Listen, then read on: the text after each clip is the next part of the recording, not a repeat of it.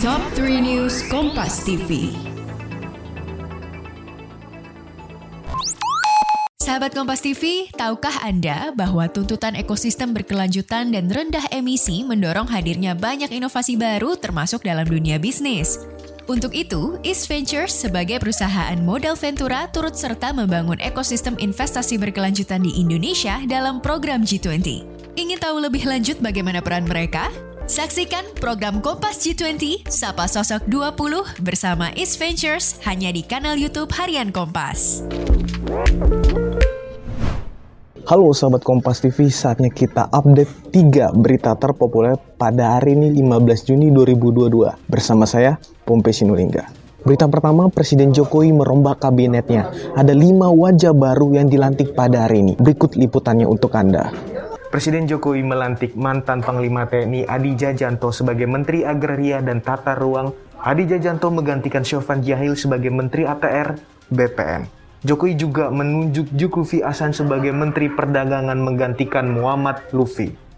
Selain itu, ada penambahan tiga pos wakil menteri, masing-masing dua pos wakil menteri baru yakni wakil menteri dalam negeri, wakil menteri ketenagakerjaan, dan pergeseran posisi wakil menteri Hargaria dan Tata Ruang Badan Pertahanan Nasional. Partai Buruh bersama Aliansi Serikat Buruh Indonesia hari ini menggelar aksi unjuk rasa di gedung DPR Republik Indonesia.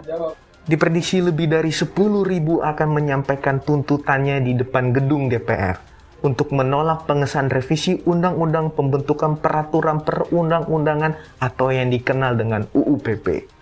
Presiden Partai Buruh Said Iqbal menyatakan aksi hari ini merupakan aksi lanjutan dari aksi May Day pada awal Mei lalu. Dan berita yang terakhir, rumah artis Nikita Mirjani di Jakarta Selatan didatangi penyidik Satreskrim Polres Serang Kota untuk dilakukan penjemputan paksa. Sejumlah personel sempat bertahan di sekitar rumah Nikita Mirjani sejak dini hari hingga Rabu siang untuk melakukan penjemputan paksa. Namun, Akhirnya pihak kepolisian meninggalkan rumah Nikita Mirjani tanpa membawanya. Hal ini terkait penjemputan paksa berkaitan dengan kasus pencemaran nama baik yang dilaporkan oleh Mahendra Dito. Itu dia tiga berita terpopuler pada hari ini. Saya Pompe Sinulingga pamit undur diri.